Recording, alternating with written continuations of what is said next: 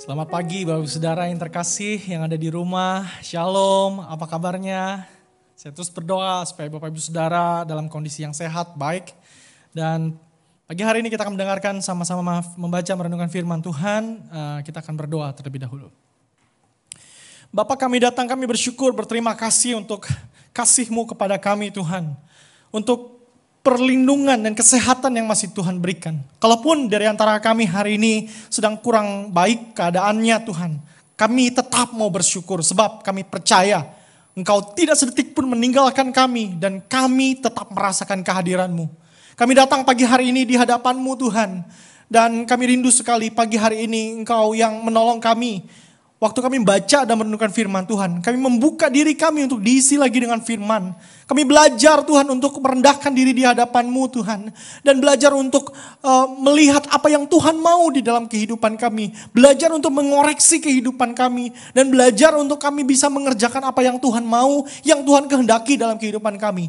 Meskipun itu membawa kami kepada jalan-jalan yang gak mudah untuk kami lalui. Tuhan kasih kami kekuatan. Biarlah Tuhan menolong kami waktu kami baca roh kudusmu yang berbicara kepada kami seluas-luasnya dalam hati kami, dalam pikiran kami. Tuhan berkati kami bersama dengan keluarga kami di rumah masing-masing. Biarlah kami tetap bisa menikmati akan firmanmu, menikmati akan kehadiranmu. Ini doa kami Tuhan. Demi Kristus Yesus kami berdoa dan bersyukur padamu. Amin. Bapak Saudara yang terkasih, pagi hari ini saya ingin uh, mengajak Bapak Saudara merenungkan satu tema. Temanya adalah uh, doxological life, kehidupan yang menyuarakan atau menyanyikan doxologi. Kita akan membaca sama-sama satu bagian firman Tuhan dari Kisah Para Rasul pasal yang ke-16 ayat ke-19 sampai 33. Kisah para Rasul pasal yang ke-16 ayat yang ke-19 sampai dengan 33 kisah tentang uh, Paulus dan Silas di penjara Filipi. Saya akan membacakannya buat Bapak Ibu Saudara, Bapak Saudara bisa membuka dalam uh, gadget ataupun Alkitab Bapak Ibu, bisa mengikutinya bersama dengan saya di rumah masing-masing. Kisah Rasul 16 ayat 19 sampai 33 demikian firman Tuhan. Ketika tuan-tuan perempuan itu melihat bahwa harapan mereka akan mendapat penghasilan lenyap, mereka menangkap Paulus dan Silas lalu menyeret mereka ke pasar untuk menghadap penguasa. Setelah mereka membawa keduanya menghadap pembesar-pembesar kota itu berkatalah mereka katanya, orang-orang ini mengacaukan kota kita ini karena mereka orang Yahudi. Dan mereka mengajarkan adat istiadat yang kita sebagai orang Rum tidak boleh menerimanya atau menurutinya. Juga orang banyak mengikut menentang mereka. Lalu pembesar-pembesar kota itu menyuruh mengoyakkan pakaian dari tubuh mereka dan mendera mereka. Setelah mereka berkali-kali didera, mereka dilemparkan ke dalam penjara. Kepala penjara diperintahkan untuk menjaga mereka dengan sungguh-sungguh. Sesuai dengan perintah itu, kepala penjara memasukkan mereka ke ruang penjara yang paling tengah dan membelenggu kaki mereka dalam pasungan yang kuat. Tetapi kira-kira tengah malam, Paulus dan Silas berdoa dan menyanyikan puji-pujian kepada Allah. Dan orang-orang hukuman lain mendengarkan mereka. Akan tetapi terjadilah gempa bumi yang hebat. Sehingga sendi-sendi penjara itu goyah. Dan seketika itu juga terbukalah semua pintu. Dan terlepaslah belenggu mereka semua. Ketika kepala penjara itu terjaga dari tidurnya dan melihat pintu-pintu penjara terbuka, ia menghunus pedangnya hendak membunuh diri karena ia menyangka bahwa orang-orang hukuman itu telah melarikan diri. Tetapi Paulus berseru dengan suara nyaring katanya, jangan celakakan dirimu, sebab kami semuanya masih ada di sini. Kepala penjara itu menyuruh membawa suluh, lalu berlari masuk dan dengan dan dengan gemetar tersungkurlah ia di depan Paulus dan Silas. Ia mengantar mereka keluar sambil berkata, Tuan, Tuan, apakah yang harus aku perbuat supaya aku selamat? Jawab mereka, Percayalah kepada Tuhan Yesus Kristus dan engkau akan selamat. Engkau dan seisi rumahmu. Lalu mereka memberitakan firman Tuhan kepadanya dan kepada semua orang yang ada di dalam di rumahnya. Pada jam itu juga kepala penjara itu membawa mereka dan membasuh bilur mereka.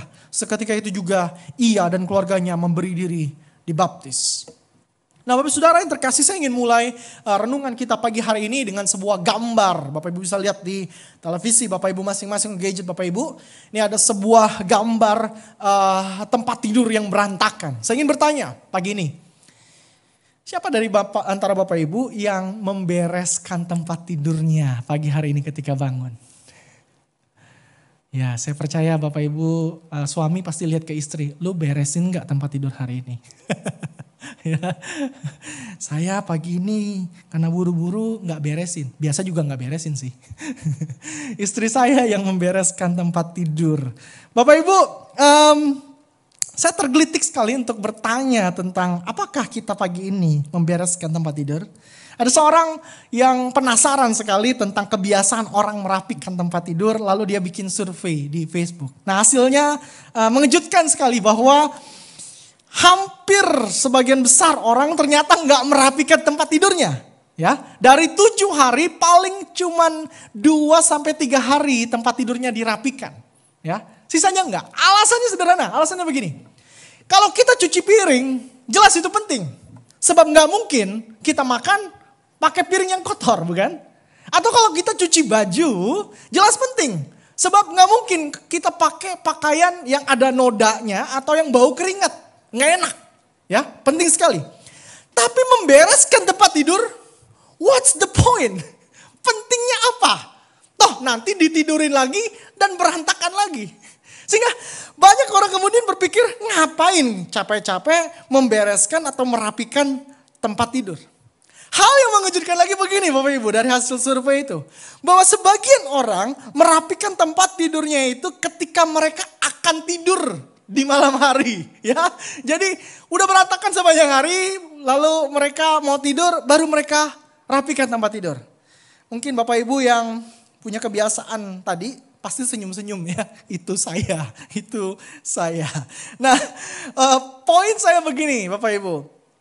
Uh, kita merasa bahwa hal ini adalah sesuatu yang sepele, hal yang remeh, dan sering kali kita tidak memperdulikannya. Ya, uh, itu bukan bagian terpenting untuk memulai hari uh, dalam pikiran kita. Karena biasanya kalau kita mulai hari, biasanya kita bangun tidur ngapain? Kita berdoa. Ya, pasti ada yang jawab berdoa gitu ya. Tapi ada sebagian yang bangun tidur nggak berdoa, langsung cek mobile phone-nya. ada WhatsApp atau enggak ya, ada update apa di Instagram. Uh, kita masing-masing punya kebiasaan dan kebiasaan itu dibentuk karena sesuatu yang terus kita ulangi. Pertanyaan, uh, mengapa saya di awal khotbah saya menceritakan tentang merapikan tempat tidur? Nanti saya akan kembali kepada story ini, oke? Okay? Karena Pagi hari ini tema kita adalah doxological life, kehidupan ya yang kalau diterjemahkan memuliakan Tuhan. Karena kata doksologi itu berasal dari dua kata Yunani kata doxa yang artinya kemuliaan glory ya dan kata logos words yang bisa diterjemahkan sebagai perkataan. Maka doksologi itu bicara tentang perkataan ya atau sayings atau expressions yang memuliakan Tuhan. Maka doxological life itu berbicara tentang hidup kita Hidup kita yang memuliakan Tuhan. Hidup kita yang melalui kehidupan kita itu terekspresilah kemuliaan Tuhan. Maka doksologi bukan bicara hanya bicara tentang pujian di akhir ibadah. Bukan. Tapi doksologi itu bicara tentang mengatakan apa yang memuliakan Tuhan dari mulut kita. Menyanyikan kemuliaan Tuhan dari mulut kita. Tetapi juga berbicara tentang hidup yang mengekspresikan kemuliaan Tuhan. Sehingga orang waktu melihat kita, dia memuliakan Tuhan. Maka ada dua hal di sini Bapak Ibu. Yang pertama adalah berbicara tentang saying, perkataan-perkataan yang kita katakan memuliakan Tuhan dalam situasi-situasi dalam kehidupan kita. Ya, kita menyanyi, kita memuji Tuhan. That's doxology. Tapi yang kedua juga berbicara tentang kehidupan sehari-hari yang kita jalani di dalam kehidupan kita. Yang menjadi sebuah doxology, kemuliaan bagi nama Tuhan. Nah teks yang kita baca, Paulus dan Silas, Silas adalah sebuah kisah yang menurut saya sangat menawan sekali kisah ini. Ya, karena sering kali atau gampang sekali kita itu memuliakan Tuhan waktu kondisi kita baik. Waktu kondisi kita penuh dengan kelimpahan. Waktu sekarang COVID, pandemi, dan kita sehat-sehat aja. Namun sulit sekali bagi kita untuk kayaknya menyembah Tuhan atau memuliakan Tuhan ketika kita mendapatkan situasi kehidupan kita sulit atau mendapatkan sebuah kemalangan. Saya ingin mengajak Bapak Saudara kita belajar dua hal dari kisah Paulus dan Silas. Yang pertama, kisah ini berbicara kepada kita bahwa doksologi di masa sulit Okay. Perkataan memuliakan Tuhan di masa sulit. Nyanyian memuliakan Tuhan di masa sulit. Sebenarnya itu menyatakan siapa diri kita sebenarnya. Nah Paulus dan Silas itu berada di dalam penjara bukan karena melakukan dosa dan pelanggaran. Mereka lakukan good things. Mereka lakukan hal yang benar. Oke. Okay? Namun karena kebenaran itu mereka disiksa. Mereka dimasukkan ke dalam penjara. Bahkan kalau kita baca di dalam teks tadi. Mereka tidak hanya sekedar diperlakukan sebagai seorang yang pantas dipenjarakan. Tapi sebagai seorang kriminal besar. Dijaga berlapis. Saya membayangkan jika kita berada dalam posisi seperti Paulus dan Silas. Mungkin kita akan bertanya, why this happened to me? Kenapa ini terjadi kepadaku? Kenapa aku udah berbuat baik, digosipin? Ya, sering kita begitu ya. Saya udah lakukan kebaikan, saya digosipin. Saya udah lakukan yang benar, yang baik untuk orang itu. Saya dimusuhin. Kenapa aku sudah berbuat yang baik dan benar untuk perusahaan, kok gajinya nggak naik atau malah dipecat? Kenapa aku selama ini taat memberikan perpuluhan? Oke, okay? malah sekarang bisnisku merugi dan aku kehilangan pekerjaan. Kita bisa terjebak dalam situasi ini di mana kita merasa bahwa apa yang kita terima hari ini, hal yang buruk ini, Seharusnya bukanlah menjadi imbalan dari kebaikan kita. Kita merasa bahwa kita udah lakukan yang baik, kita udah lakukan yang benar. Maka seharusnya berkat yang menjadi imbalannya, kebahagiaan yang aku terima. Seharusnya bisnisku lancar, keluargaku harmonis. Kita dengan gampang merasa diri pantas menerima semua hal yang baik. Karena hal yang benar dan yang baik yang kita rasa kita sudah lakukan. Ya, kita protes jika hal yang tidak baik itu hadir dalam kehidupan kita. Namun tidak demikian bagi Paulus dan Silas, Bapak Ibu. Paulus dan Silas ketika mereka di, disiksa, bahkan kita lihat bahwa luka-luka siksaan itu tidak dise, di, dibersihkan sampai nanti kepala penjara di akhir membersihkannya. Dalam kondisi yang kesakitan, penuh de, dengan luka dipenjarakan, dibelenggu. Dan tengah malam mereka berdua berdoa menyanyikan puji-pujian kepada Allah. Masuk ke dalam situasi mereka. Mereka terluka, berdarah, dipenjarakan. Pasti lelah dan sakit. Dan mereka lakukan hal yang benar. Seharusnya bukankah mereka bisa atau selayaknya mengeluh dan protes kepada Tuhan. Tapi malam itu Paulus dan Silas berdoa menyanyikan puji-pujian kepada Tuhan. Yang keluar dari mulut mereka bukan protes tapi doksologi. Mereka memuliakan Tuhan. Bahkan sampai orang-orang lain hukuman, eh, orang-orang hukuman lain itu mendengarkan mereka. Mendengarkan mereka menyanyi, memuliakan Allah. Seorang bernama James Allen, seorang penulis, berkata begini, Circumstance doesn't make the man, it reveals him. Keadaan yang kita alami itu tidak membentuk kita atau tidak membuat kita seperti sekarang ini, bukan. Tapi justru terkadang dia menyatakan siapa kita. It reveals who we are. Menyatakan identitas kita. Artinya begini, ketika Paulus dan Silas menyanyi memuliakan Tuhan di tengah-tengah kondisi yang buruk, di situ kita melihat siapa dia. Bahwa memang Paulus dan Silas menunjukkan diri mereka sebagai murid Tuhan dan yang dengan sengaja memilih untuk menghidupi sebuah kehidupan yang memuliakan Tuhan terlepas dari berbagai keadaan buruk yang mereka alami. They are not complain about their situation. But they praise God. Mereka memuliakan Tuhan. It reveals who they are. Siapa mereka? Mereka murid Tuhan. Saya tidak ingin mengecilkan kondisi Bapak Ibu atau kesulitan yang Bapak Ibu sedang alami hari ini di tengah-tengah pandemi. Tapi perhatikan respon kita terhadap kesulitan yang kita alami. Karena respon yang kita tunjukkan akan menyatakan siapa kita. Murid Tuhankah? Atau ternyata kita cuma kulit luarnya saja murid Tuhan. Kita sesungguhnya tidak menunjukkan diri kita sebagai murid Tuhan di tengah-tengah kondisi yang sulit. Circumstance doesn't make the man, it reveals him. Hal yang kedua yang kita pelajari Bapak Ibu, doksologi. Doksologi bukan tentang kita, tapi tentang dia, tentang Tuhan. Nah hal kedua yang menarik dari kisah ini adalah ketika mereka menyanyi, ketika mereka berdoa dan menyanyi, Bapak Ibu perhatikan teks tadi ya. Seketika itu juga terjadi gempa bumi. Bergetar semua. Semua pintu terbuka, semua belenggu terlepas, dan kepala penjara tertidur. Kalau kita jadi Paulus dan Silas, kita akan pikir gini, aha, Tuhan dengar doaku. Yuk cabut. Ya kan?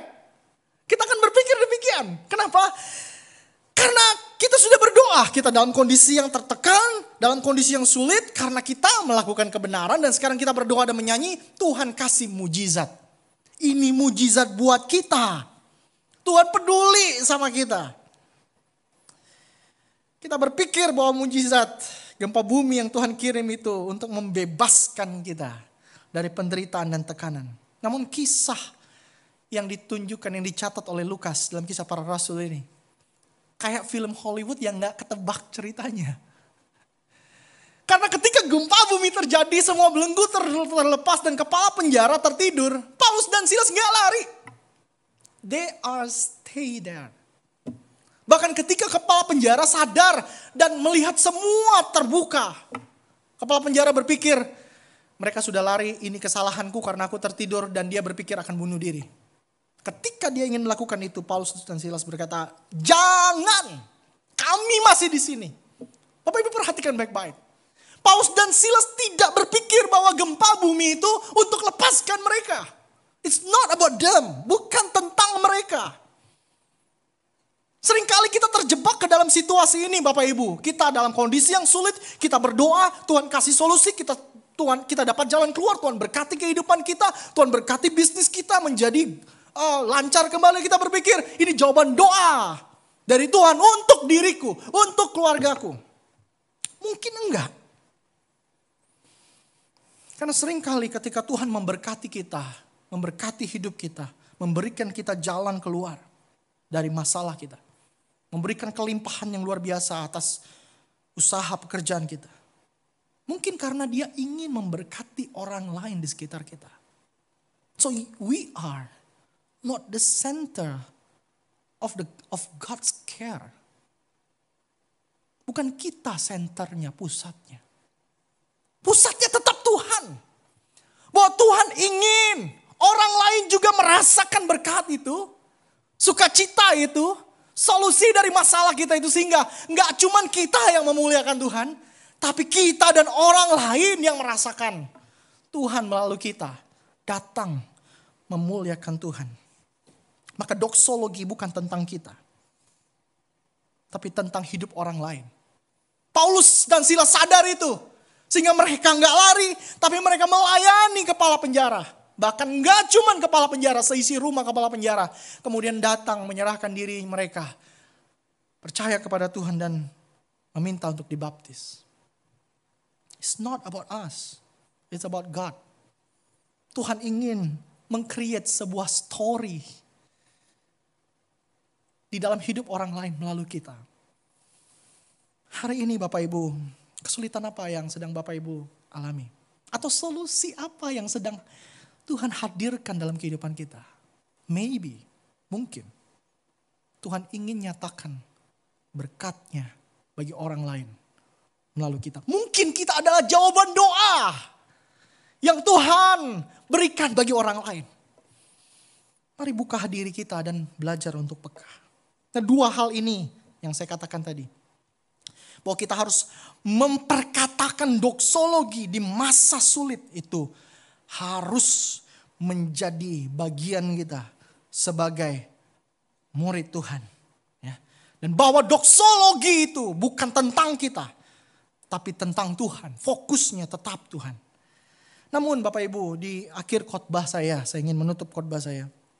Saya tergelitik sekali untuk kembali kepada pertanyaan awal saya. Apakah Bapak Ibu membereskan tempat tidur pagi ini? Saya ingin bertanya, manakah yang disebut dengan kehidupan yang memuliakan Tuhan atau doxological life? Membereskan tempat tidur di pagi hari sesuatu yang remeh atau menyembah Tuhan di waktu badai menimpa hidupan kita seperti Paulus dan Silas. Manakah yang disebut dengan doxological life? Ketika kita belajar untuk melakukan kebiasaan-kebiasaan harian yang baik, membereskan termasuk membereskan tempat tidur kita. Atau dalam momen-momen tertentu masa sulit kita, kita datang menyembah Tuhan. Which one? Manakah yang disebut dengan doxological life? Bagi saya keduanya. Atau bahkan saya dengan berani berkata, justru yang pertama yang membereskan uh, tempat tidur adalah hal yang mungkin lebih utama. Sebab apa? Sebab ini yang sehari-hari kita jalani. Yang tiap hari kita jalani. Yang setiap hari orang tahu kita jalani itu. Sedangkan yang pertama, yang kedua berbicara tentang masa sulit. Bukankah ini terkadang adalah sesuatu yang bersifat momental? Sesekali saja. Maka kedua hal ini harus seimbang Bapak Ibu. Ya. Mengapa? Karena Paulus yang sama yang memuliakan Tuhan di masa sulit, oke? Okay? Paulus yang sama menuliskan surat kepada orang-orang di satu Korintus. Di dalam satu Korintus 10 ayat 31 dia berkata demikian. Dia tulis gini, jika engkau makan, atau jika engkau minum, atau jika engkau melakukan sesuatu yang lain, lakukanlah semuanya itu untuk kemuliaan Tuhan. Saya suka bagian ini, karena hal bagian ini membawa kita untuk berpikir bahwa hari-hari kita yang biasa bisa dipakai untuk sebagai doksologi bagi Tuhan. Oke? Termasuk membereskan tempat tidur. Termasuk berkata mungkin good morning, I love you kepada pasangan kita. It's doxology to God. Waktu kita mengerjakan semua itu. Maka dua hal yang hari ini kita kita dapatkan Bapak Ibu. Belajar untuk tetap memuliakan Tuhan di masa sulit. Tapi waktu kita menjalani kehidupan kita, kita harus menjalani kehidupan kita sehari-hari dan menyatakan doksologi bagi Tuhan. Justru menurut saya lebih sulit menyatakan doksologi di dalam keseharian kita daripada menyatakan doksologi di masa sulit. Ya. Sebab kita merasa yang sehari itu biasa, nggak penting bahkan kadang. Sehingga kita nggak mencoba merelasikan yang sehari itu sebagai doksologi bagi kemuliaan Tuhan. Seorang bernama Tis Harrison Warren. Dia menulis satu buku judulnya Liturgy of the Ordinary ya. Uh, liturgi dari uh, kebiasaan atau yang sehari-hari. Hal-hal yang biasa. Dia mengatakan begini, though we believe deeply in the gospel, ya, meskipun kita sangat percaya kepada Injil, though we put our hope in resurrections, meskipun kita menaruh harapan kita pada kebangkitan Kristus, we often feel like the way we spend our days looks very similar to our unbelieving neighbors. Ya, bahwa kita sering merasa bahwa cara kita menghabiskan hari-hari kita terlihat sangat mirip dengan tetangga kita yang nggak percaya. Hanya dibumbuhi dengan sedikit kerohanian aja. Padahal nggak beda. Tis Harrison ingin mengajak kita untuk memikirkan bahwa apakah yang ordinary, yang biasa, yang sehari-hari. Juga menunjukkan bahwa kita sedang mengerjakan sebagai sebuah doksologi, sebuah sebuah liturgi yang kita bawa untuk kemuliaan bagi nama Tuhan. Maka doxological life memang tentang kehidupan yang memuliakan Tuhan, terlepas dari berbagai situasi, termasuk di masa sulit, seperti Paulus dan Silas alami. Seperti kita hari ini di dalam masa sulit, dalam pandemi, kita tetap memuliakan Tuhan. Tetapi doxological life juga tentang kehidupan sehari-hari yang tiap hari kita jalani, termasuk membereskan tempat tidur kita. Kiranya Tuhan menolong kita mengerjakan firman ini. Mari kita tundukkan kepala kita berdoa.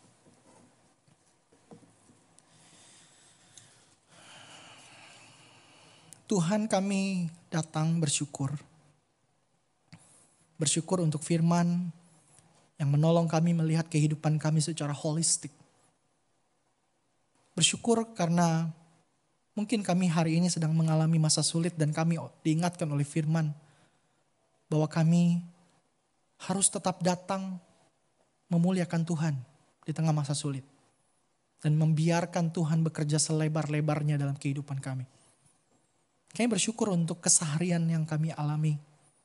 Bersyukur untuk tempat tinggal, untuk makan minum, untuk orang-orang terdekat kami. Kami bersyukur untuk mereka semua. Hal-hal sehari-hari, hal-hal yang biasa yang kami jalani setiap hari. Kami ingin bersyukurinya.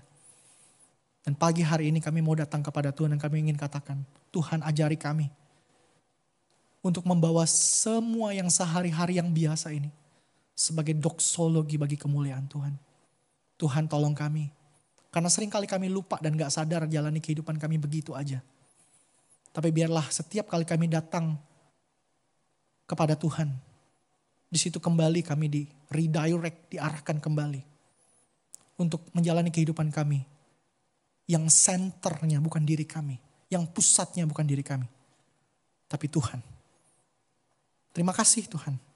Ajari kami di masa-masa sulit ini bisa membagi kehidupan kami bagi orang lain. Sehingga orang lain juga bisa memuliakan Tuhan melalui hidup kami. Di dalam nama Tuhan Yesus Kristus kami berdoa bersyukur. Amin.